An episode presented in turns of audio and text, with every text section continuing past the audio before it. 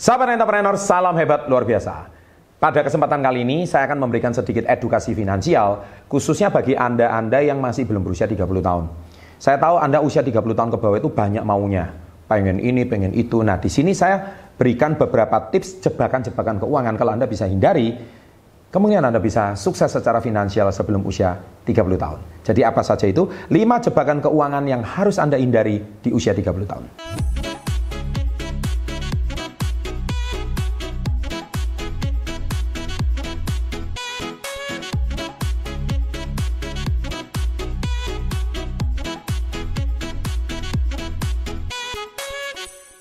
Sahabat entrepreneur, salam hebat luar biasa. Di dunia zaman sekarang, sepertinya semua usaha Anda atau bisnis Anda harus didigitalisasi. Kalau tidak, Anda akan ketinggalan zaman. Seperti kita ketahui, zaman sekarang orang mencari semua informasinya, semuanya dari HP-nya, semuanya cari dari internet. Jadi oleh sebab itu, minimal bisnis Anda harus ada yang namanya blog atau website. Nah, saya rekomendasikan Anda untuk memilih Niaga Hoster karena Niaga Hoster salah satu hosting yang terbaik di Indonesia dengan harga yang sangat relatif terjangkau dan jangan khawatir Anda bisa memiliki customer service 24 jam setiap harinya. Nah, kalau Anda mau nanya informasi tentang promo unlimited diskon sampai 75%, linknya ada di kolom deskripsi. Jadi oleh sebab itu, segera punya website dan hosting yang terbaik di Indonesia Niaga Hoster. Oke, nah kebanyakan para millennials, Anda itu semuanya pengen apa sih kalau sebelum usia 30? Kebanyakan ya, kalau anak milenial sebelum usia 30 itu biasanya Anda itu pasti pengen apa? Pengen motor. Kalau yang cowok, motornya motor yang gagah, motor cowok yang keren, ya. Kemudian setelah motor biasanya pengen mobil, betul ya? Nah, pengen mobil yang ketiga ini biasanya pengen rumah. Nah, udah paling banter itu kalau usia 30 itu cuman pengennya tiga ini doang kebanyakan ya. Sama yang terakhir itu pengen kawin, ya kan? Pengen punya pasangan. Dah, biasanya permintaannya empat. Tapi kemungkinan empat ini bakal menjadi jebakan yang sangat berbahaya bagi orang yang sebelum usia 30 tahun.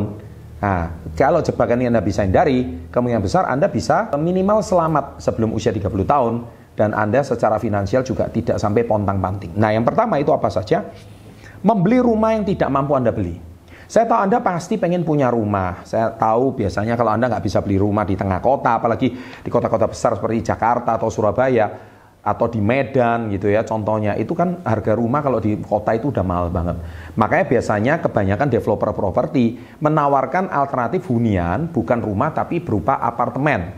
Sehingga anda mungkin bisa uh, membeli uh, rumah di tengah kota tapi ya itu tadi apartemen ya namanya anak baru menikah ya uh, pasangan masih muda, Anda kalau misalkan masih tinggal di tengah kota itu apartemen kan keren, contohnya seperti itu. Tapi celakanya Anda bisa aja sudah punya gaji, tapi Anda membeli rumah yang tidak mampu Anda beli. Contohnya kemampuan Anda, misalkan Anda itu beli rumah, kemampuan Anda itu baru membeli rumah yang harganya 500 juta contohnya. Tapi Anda memaksakan diri membeli rumah harganya 1 M. Nah akhirnya yang terjadi adalah Anda kesulitan secara finansial. Ya, akhirnya Anda harus mencicil sana, mencicil sini dan cicilan Anda di luar kemampuan Anda. Anda harus pinjam uang sana hanya untuk terlihat pengen punya rumah harga 1 M. Nah, ini kekeliruan fatal anak-anak muda.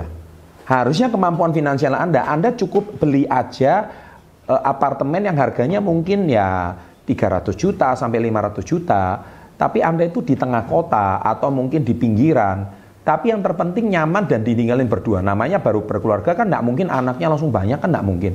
Nah, Anda mungkin meredam dulu 2 sampai 3 tahun, Anda punya anak pertama atau anak kedua atau masih nyaman, tapi percayalah setelah itu Anda dari apartemen tersebut Anda bisa lompat punya rumah yang lebih baik. Ya. Jadi apartemen diapain? Mungkin apartemen itu bisa dijual, dijadikan down payment rumah yang baru. Itu contohnya, itu nasihat saya. Ya, silakan terapkan. Jadi jangan memaksakan diri yang belum sesuai kemampuan Anda. Yang kedua, membeli mobil yang tidak mampu Anda beli. Nah, Contohnya, kemampuan Anda membeli mobil yang bangsanya Avanza, yang harganya mungkin kisaran 100 sampai 150 juta.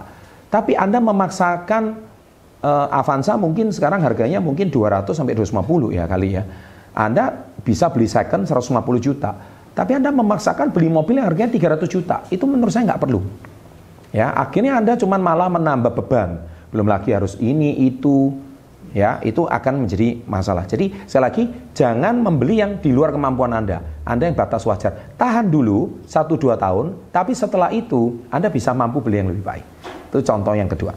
Yang ketiga, tidak berinvestasi atau tidak cukup berinvestasi. Nah ini saran saya.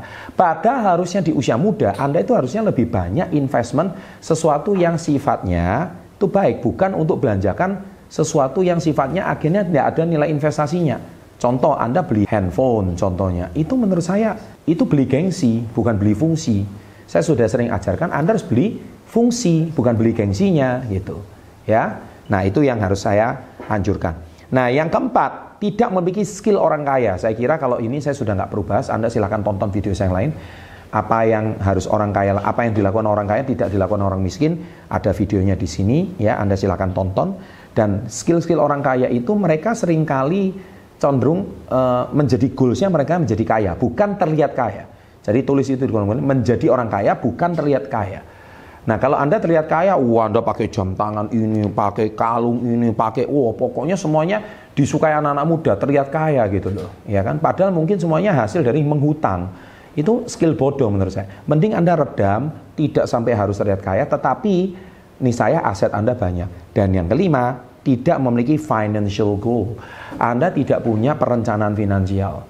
Ya, makanya saya sering edukasi tujuh kesalahan yang dilakukan oleh orang miskin, dan tidak dilakukan orang kaya ya kan itu ada videonya kemudian juga anda nggak punya goals finansial kalau anda nggak punya goals finansial itu masalah sekali akhirnya apa? Yang menjadi masalah adalah ketika suatu hari anda kesulitan masalah finansial anda harus berhutang sana berhutang sini dan itu tidak sehat secara finansial. Akhirnya usia muda anda itu dihabiskan untuk hal-hal yang nggak berguna menurut saya. Dan sekali lagi itu tidak mateng ya. Jadi yang terakhir saya ingin berpesan misalnya kalau anda memang ingin sukses sebelum usia 30 tahun, hindari lima jebakan ini. Kalau lima jebakan ini Anda bisa dihindari, besar kemungkinan Anda bisa jadi miliarder sebelum usia 30 tahun. Selamat mencoba tips ini dan sukses selalu. Salam hebat, luar biasa.